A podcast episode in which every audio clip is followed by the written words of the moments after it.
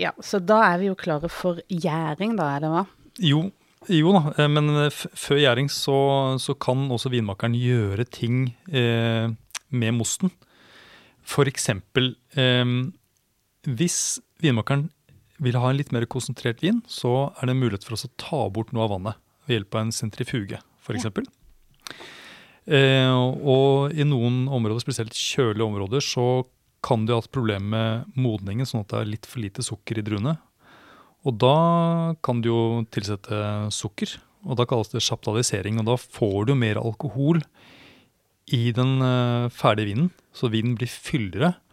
Eh, og så er det også noen som tilsetter konsentrert druemost istedenfor sukker. Ja, og alt dette er jo lov, ikke sant? Ja. Eller ja, ja. hvis de gjør det, så er det lov. Ja, ja, for, for, det høres jo ut som tukling, eller noe som gjør sånn litt, litt, i det skjulte. Ja, Nei, men det er sant. Det er jo um, Noen vinlover tillater det, andre tillater det ikke. Og, uh, og noen ganger så er det sånn at de må søke om det, eller at uh, det er en um, en organisasjon som passer på dette, her, da, som, som, bestemmer at dette året, er, året her er det så kaldt, eller har vært så kaldt, at nå åpner vi for uh, chaptalisering, tilsette sukker. Ja. ja. Og så finnes det også noen områder hvor det er såpass varmt at uh, de kan ha problemer med for lite uh, syre i druene. Og da kan det gjerne være lov å tilsette syre i mosten før gjæringen. Mm. Nettopp. Ja. Men alt dette her må skje, må det skje før gjæringen setter i gang. Ja, i hvert fall sjaptalisering er Ja. det. For Mm. du tilsetter jo ikke sukker fordi det skal bli sødme. I, i vin. Det er mer fordi at du skal ha noe å omdanne alkoholen. Ja, Og det er et godt poeng. Mm. Sånn at ikke, ja, Det er lett, kanskje lett å misforstå. tenke at eh, det tilsetter sukker, så Ja. blir vinen søtere. Men det er ikke det som er poenget her. Mer alkohol og mer fylde. Nettopp. Ja, så vi tenke, Er det noe annet de kan tilsette? da? Det er jo um, ja, disse enzymene som vi har prata om før. mm. De kan tilsettes nå også. Jern som skal i gang seinere, den har jo enzymer i seg som hjelper til med å liksom, klippe opp ting og endre ting i mosten. Men det går også an å tilsette enzymer som hjelper jern, da. Eller som eh, får i gang eh, prosessene mer effektivt. For å få frem ønska ting i vinen, da, eller? Ja, gjerne mer fruktighet, og kanskje en sånn bestemt type fruktighet. Mer solbærfrukt, mer eh, kirsebær, mer jordbær. Sånn type ting. Ja, så man kan designe litt vinen ettersom man uh, føler det er riktig. Kan jo egentlig det. Mm. Ja. Eh, og så er det da Denne jern den trenger jo næring, og den finner jo mesteparten av næringen i mosten. Eh, men noen ganger så, så analyserer de mosten, eh, eller det bør jo gjerne vinmakerne gjøre, analysere mosten før gjæringen og finne ut mangler det noe næring. Trenger de på en måte litt sånn vitaminbjørner eller en liten frokostblanding for å liksom komme litt i gang, eller holde det gående. Og da er det gjerne sånne nitrogen da, som, eh, som tilsettes nitrogen og protein og sånt noe. Ja, fordi jeg eh, Altså, gjæren eh, spiser jo sukker. Mm. Men, men det trenger altså mer næring. For hvis ikke, så kan du enten da risikere at den, at den dør. At den ikke på en måte klarer å danne om sukkeret til alkohol mer. Eller at det kommer noen litt sånne ufine aromaer. Er det ikke det også? Jo, sånn stressa gjær, eller sånn halvdød gjær, Ja. kan gjøre at vinen eh, får noe liksom, sånn, prompearomaer, nesten. Som vi kaller for reduktivitet. Eh, Det er mye gøyere med promp, Ja. syns jeg. Men det, Eh, men, eh, eller at, at bare gjæringen stopper opp. Ja. Det er jo heller ikke bra. Så hvis man vil ha full kontroll, så analyserer man mosten, og så finner man ut hva er det man trenger og ikke, og så tilsetter man da eventuelt litt nitrogen eller annen eh, gjærernæring. Ja, det er noen sånne aminos, aminosyrer som er greit for hjernen å ha. Yes, og Ja. da er vi kommet til gjæringa. Eh, endelig har vi kommet til gjæringen. For det er egentlig det mest sånn magiske. Ja, vet du, det er, begynner det å skje ja, for jeg skal akkurat si det også, at det er her magien skjer. Eh, eh, fordi her er det jo egentlig utrolig mange valg eh, vinmakeren kan gjøre, og det er mye som kan gå galt. Og her lever også på en måte Her kommer naturen inn og kan ta lederrollen også. Ja. Eh, og, eh, kanskje til vinmakerens fortvilelse. ja, ja for det, det du har nå, det er jo ikke bare en, eh, eh, most med druesaft. Du har jo egentlig et kar fullt av små organismer. Ja, Som er klare til å sette i gang. I mange, mange forskjellige familier. Ja. Og klart, har du tilsatt mye, eller en del svovel eh, før i prosessen, Ja. så har du jo eh, Færre. har du færre av disse organismene. Eh, eh, og så da er jo da spørsmålet Skal du da la alle, eh, hele dette eh, fotballaget av eh, forskjellige organismer, sette i gang med mosten din? Eh, eller vil du at bare én gjærtype skal jobbe med mosten? Ja, Det er litt sånn demokrati eller diktator. Ja. Og det, en sånn diktatorgjær, rett og slett. Og det er jo eh, gjerne det tryggeste, er jo da å ha en sånn diktatorgjær. En som på en måte tar mosten for seg selv. Ja. Ja. Og da vet du hva du får. Mm. Eh, ja. Men en sånn diktatorgjær, den, den kommer ikke dit eh, på, på egen hånd. Den, den tilsettes jo da av, av vinmakeren. Ja. Eh, at han har da en, en sånn gjærkultur, en rendyrket gjærkultur. Mm. Og så lager de gjerne en sånn starter, at de eh, setter i gang denne gjæren da i noe druemost, sånn at den har på en måte får lov til å vokse seg litt stor og er liksom i gang med arbeidet.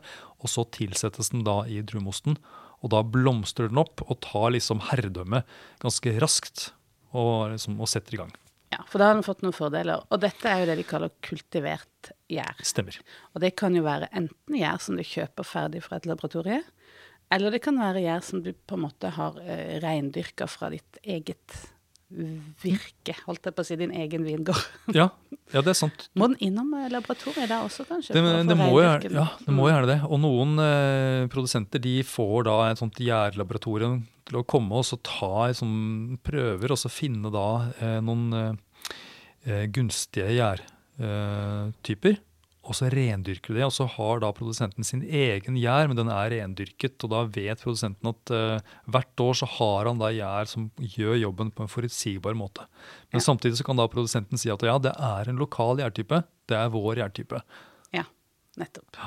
Men mens denne her demokrati-gjæren, Ja, fotballaget ja galskapen på en måte. Ja, det Ja. er jo det som kalles spontangjæring, eller spontanfermentering. Ja.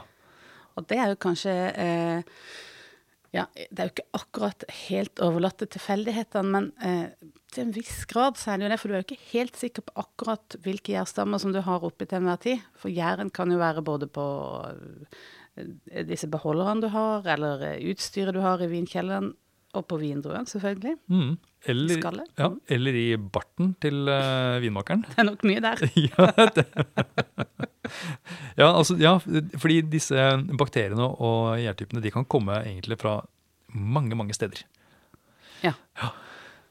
Og så er det sånn at har du da laget vin en del ganger, så har du da sikkert eh, noen litt sånn sterke gjærkulturer allerede i utstyret og kjelleren, Ja. som sannsynligvis vil sette i gang og dominere da gjæringen eh, ganske raskt.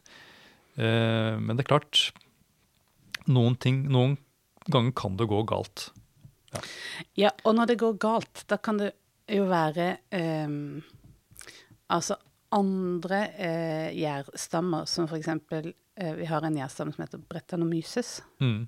som er en slags fetter eller kusine til Saccharomyces. Mm. Som er den vanlige liksom, alkohol-sukkergjæren. Ja, den vanlige vinjæren. Ja. Ja. Jeg har, jeg har beskrevet Bretanomyces som Lex Luthor, hvis Saccharomyces er Supermann. At det er på en måte noe som kommer inn, og så er litt sånn uh, uh, Litt destruktivt, tror jeg nok mange i vinverden vil si. da. Mm. I øl er det kanskje mer ønska, men i vinverden så er det jo ikke akkurat Brettanomyces man ønsker skal få så mye herredømme. Ja, Han roter det litt til. Ja. Men samtidig så tenker jeg at det, hva ville Supermann vært da uten Lex Luthor? Jeg tenker at Brettanomyces av og til kan gjøre vinen litt mer spennende Ja. hvis den ikke får dominere helt. At den bidrar med noe ekstra. Og her tror jeg nesten vi må si hva er det som er liksom kjennetegnet. Hva er det man kan smake av en ja, for det bidrar jo med aroma, først og fremst. mm, Gjør ja. Og, og det er en slags sånn um, stallfjøsaroma. Uh, som er kanskje hva, hva er det man kunne Det kan være flere ting. Det kan også være litt sånn der sot og Ja, noe sånn, nesten brent gummi, Ja. røyk, og noen ganger så kan det gå i retning av noe sånn eh, nesten noe sånn harskt smør og harsk nøtt. skinke. Harsk skinke, ja. Ja, for dette, det er jo ikke nødvendigvis gjær, altså denne Brettanomysisen i seg sjøl man smaker, men det er alle disse her avfallsstoffene den produserer. Det Mm. er det som sett, og det kan være fra litt forskjellige grupper, så det har ganske sånn stort spenn av aromer. Ja, Ja, stort tema. Det er, det er jo egentlig et veldig, veldig stort tema. eh, men det er jo ikke slik at selv om en produsent velger å spontangjære vinen, så er han ikke dømt til å få en vin som Nei. er dominert av Britannomyces. Absolutt ikke. Og eh, det er gjerne sånn at jo lavere pH-en er, jo mindre sjanse er for at du får en sånn Britannomyces-infeksjon. da. Ja. Så my, mye syre i druene eh, gjør at du gjerne får en, en reinere vin. Og veldig mange, det kan vi vel si med ganske stor sikkerhet, at veldig mange av de som, vinene som regnes som de aller beste i verden, er jo spontangjæra. Ja. Eller de mest liksom, kjente og berømte vinene er jo spontangjæra viner. Mm. For du får litt større kompleksitet når det er flere eh, ting som foregår oppi det der gjæringskaret. Det, det er jo, ja, og det, jeg tenker, det rimer jo litt, fordi her er det da et helt fotballag, eller et helt kor, kanskje vi kan si, som har da mange stemmer. Så når da alle stemmer i, så får man på en måte Ja.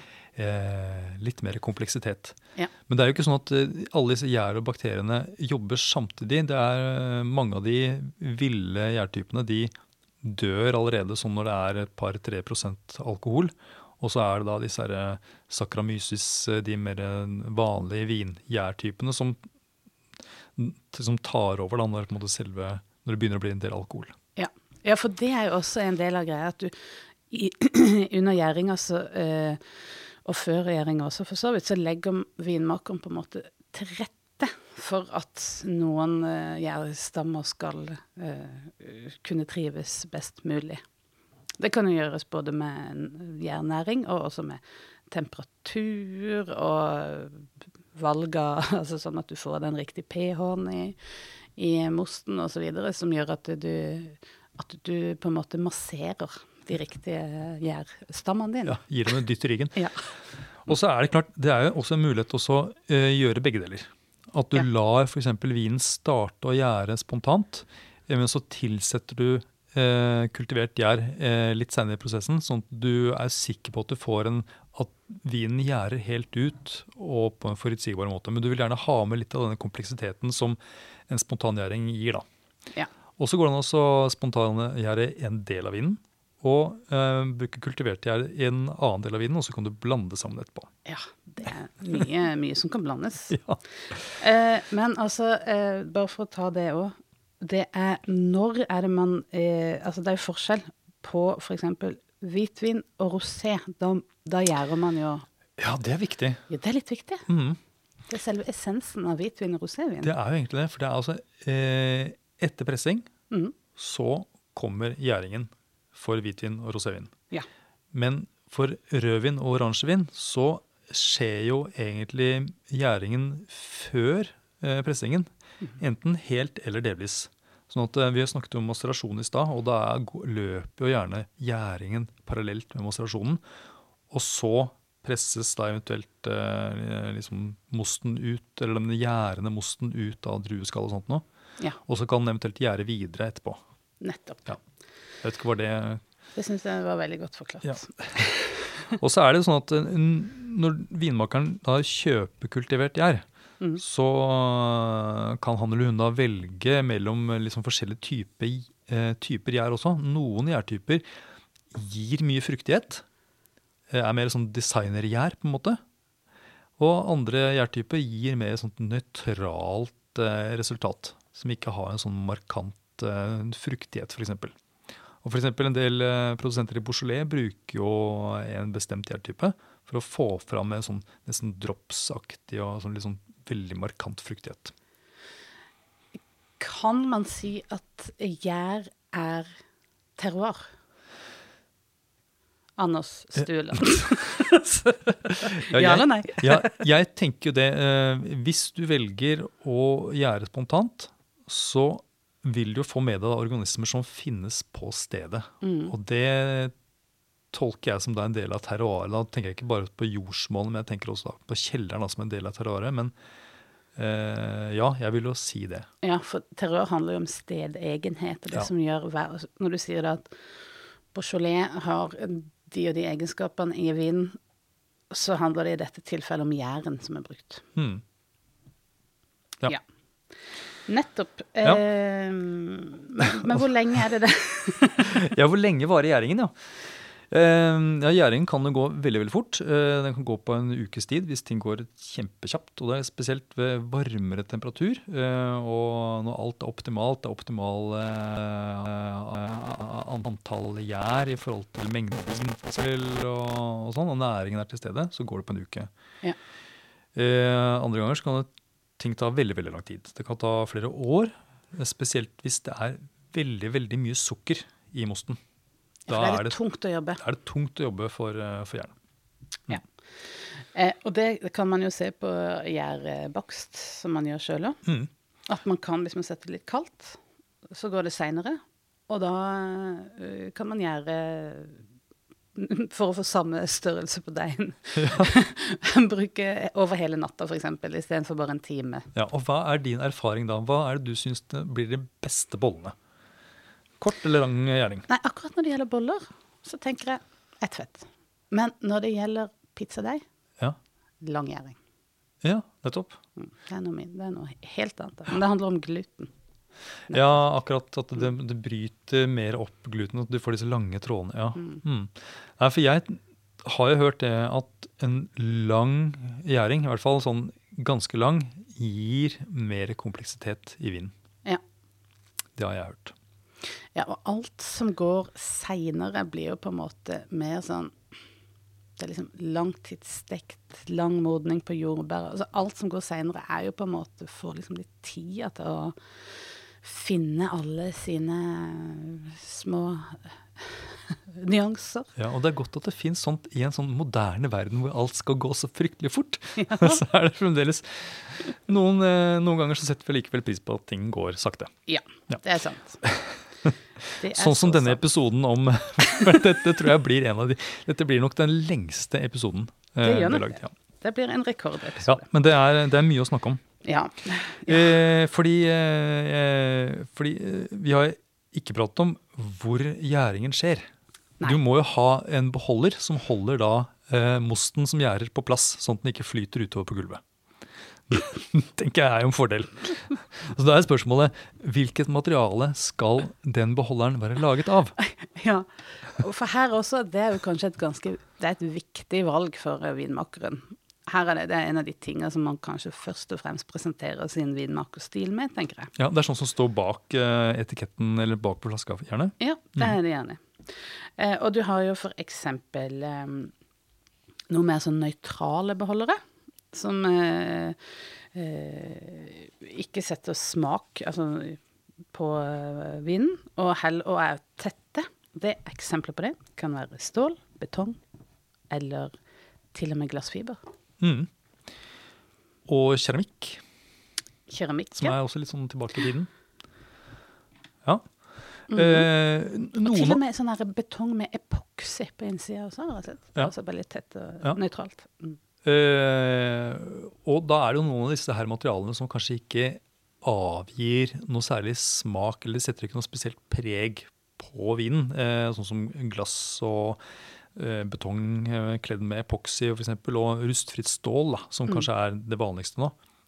Det setter jo ikke preg på vinen sånn direkte.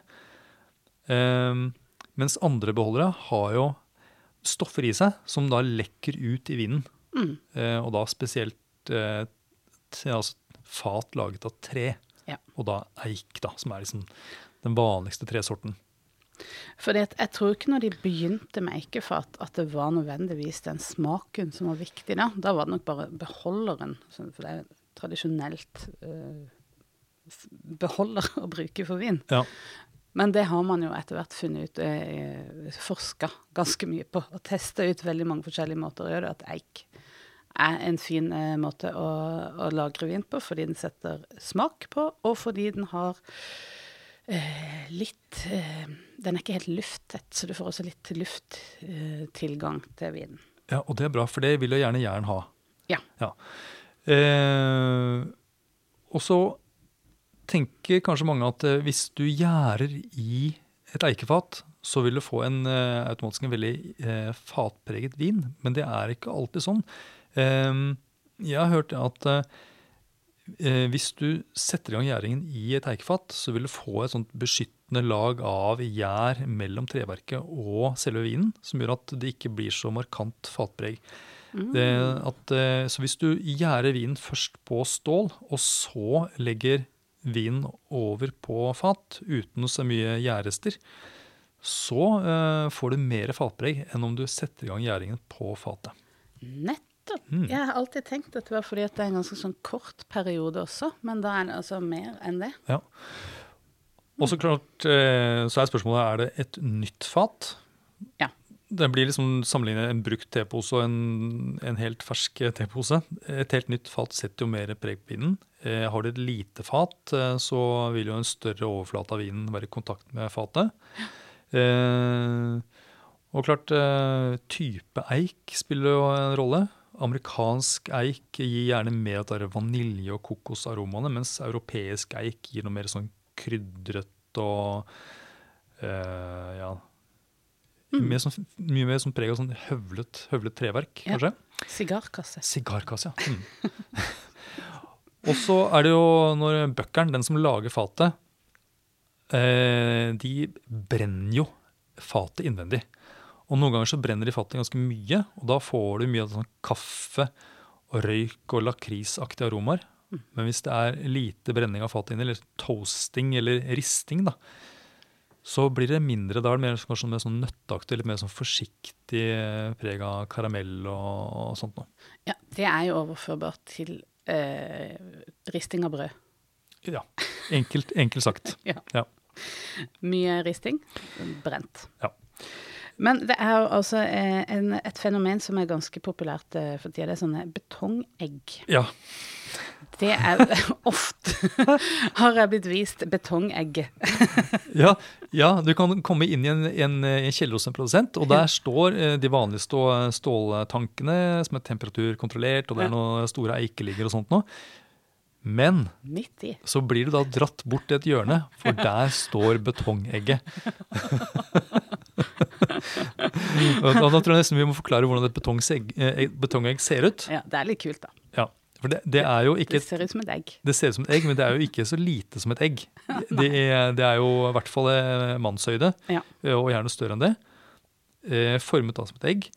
Og hva er da tanken eller ideen bak å gjære vin på betongegg? Eh, forklart med de samme ordene som jeg har hørt på eh, de, hos de som bruker betongegg, eh, så eh, sier de at eh, egget er naturens perfekte beholder.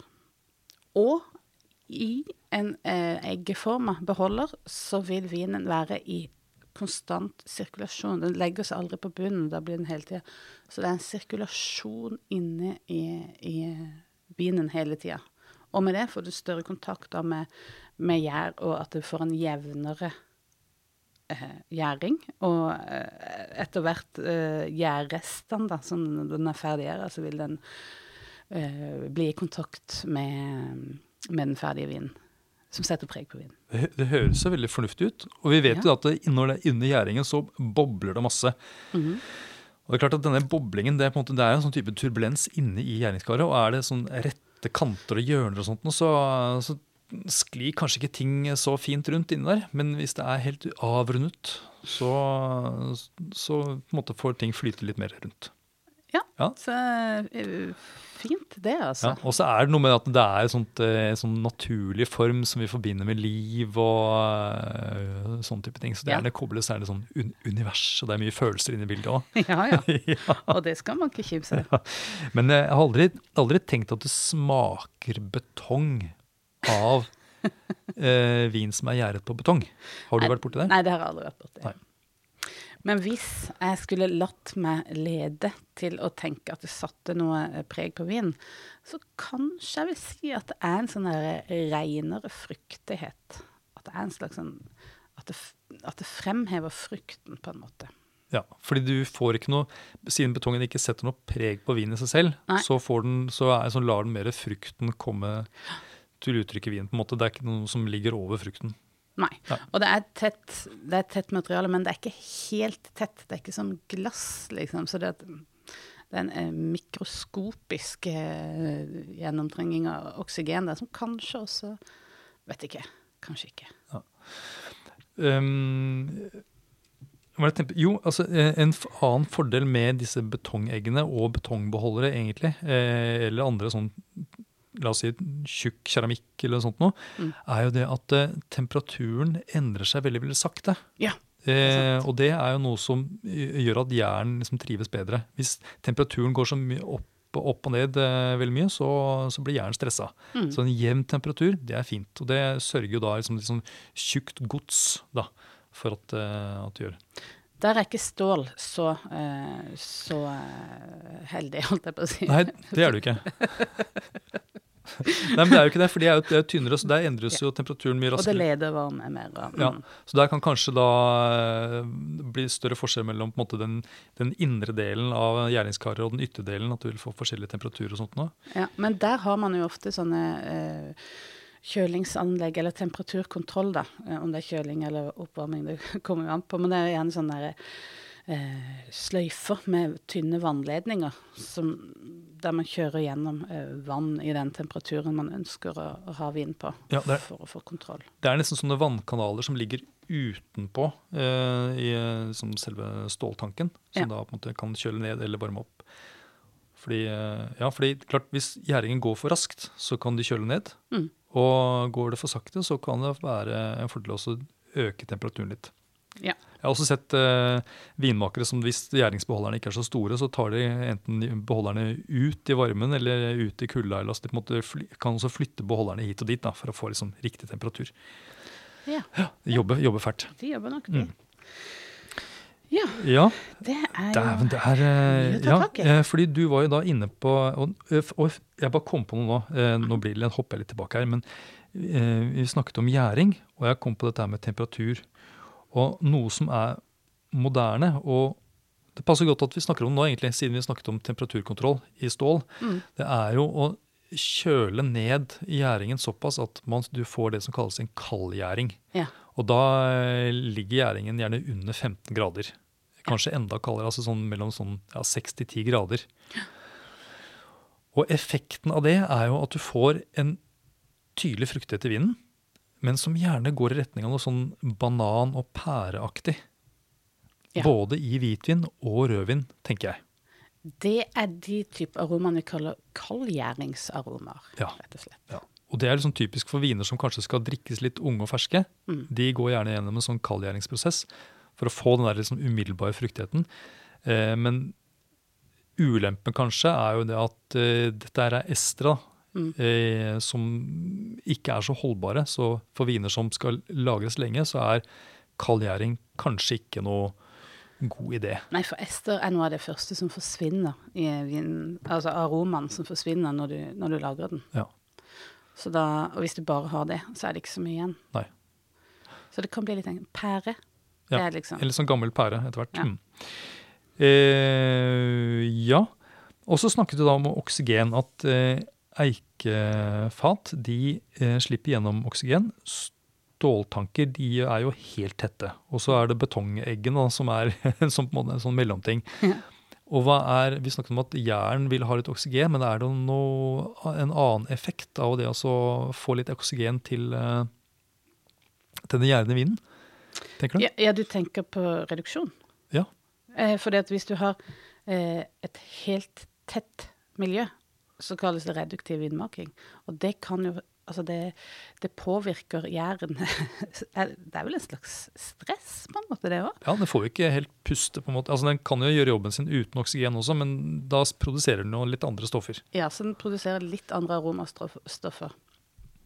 Som kan være eh, eh, Da er vi tilbake på prompen igjen. Ja.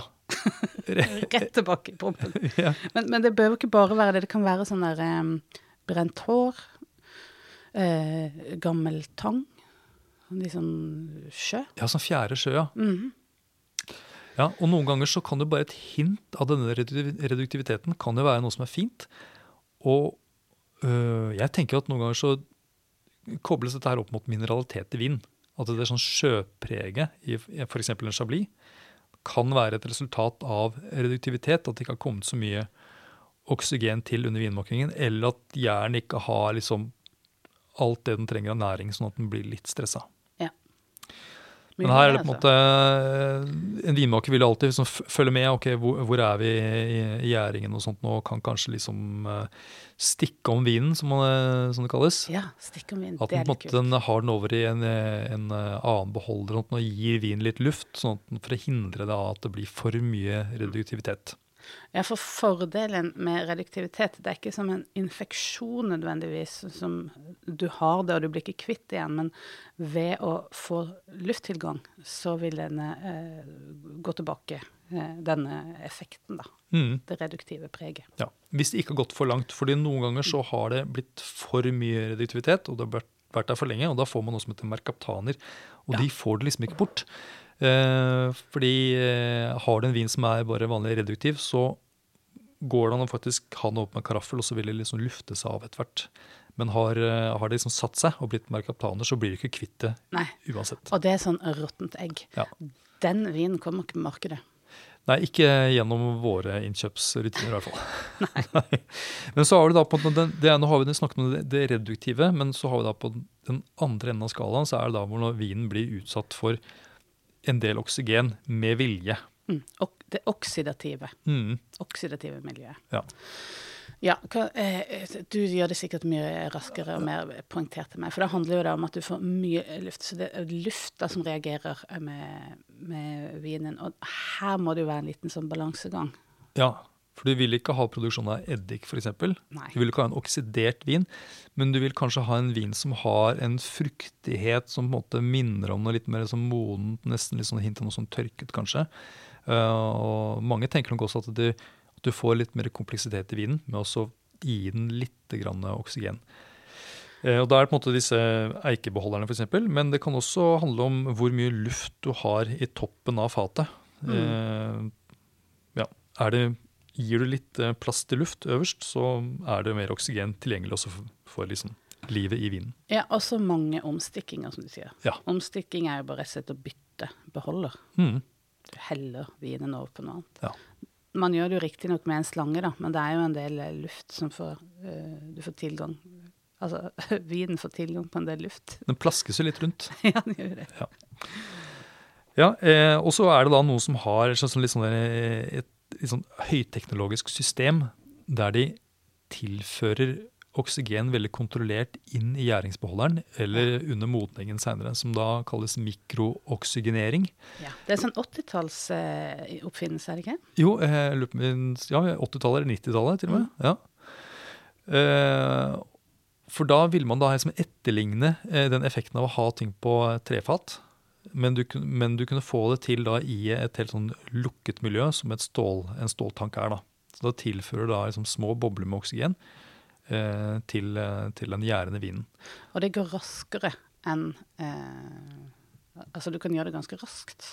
Ja. Er ikke det en av fordelene med det? Det er det. Og ting, kontrollert. kontrollert, og det går, eh, du bruker mindre tid på det. Da får du da, De mener at effekten er at du kan få litt bløtere viner, altså mindre snerp. Mm. Eh, men også at du stabiliserer fargen på vinen. Så ja, for eksempel, eh, Et område i sørvest i Frankrike som heter Madiran, har en drue som heter Tanat, som er kjent for å være en veldig sånn, liksom, tøff og snerpende druetype.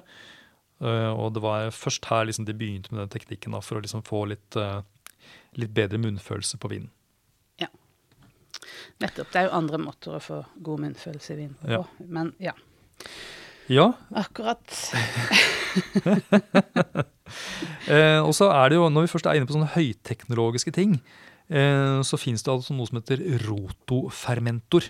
Det høres ut som en litt sånn kul eh, bildel i en Porsche eller noe. Men det er da en beholder som snurrer på vinen samtidig som gjæringen skjer. Da. Og da massererer jo vinen samtidig også, så du på en måte får maksimalt uttrekk. Du får liksom en sirkulasjon av gjær og næringsstoffer og, og gjærende vin. Så da går ting raskere, men du får også liksom mer uttrekk da, av skall. Ja, mer Ja. farge. Nettopp. Mm. Det er litt sånn fancy-pansy, det der. Altså, ja. Det er vel kanskje litt sånn eh, effektivt og eh, hypermoderne, som du sier. Ja. Mm. Kunne også vært en rolle som Arnold Schwarzenegger Ja. spilt. Og Ulempen her er at hvis du overdriver dette her, så får du en vin som på en måte er, den er helt svart, helt mørk. Eh, Men den kan være da liksom nesten sånn en sånn nesten ubehagelig munnfølelse. Snerper fryktelig mye og mangler eh, nyanser. Det bare blir sånn, sånn tett vegg av eh, noe litt sånn sevje og rotihop av frykt. Ja, for du får masse struktur, og så får du ikke noe eh, flesk i midten, liksom. Ja. Det, er, det er lite frykt og, og masse struktur, og Ja. det blir noe litt rart med det. Ja. Så jeg tenker det som det også drev å pumpe over, som vi snakket om før, under masterasjonen, og det å bruke rot og fermentor, er sånn to sånne ting du kan gjøre som Hvis du overdriver, så får du det som vi kaller for overekstraherte viner. Som ser imponerende ut, men som ikke er så behagelig i munnen.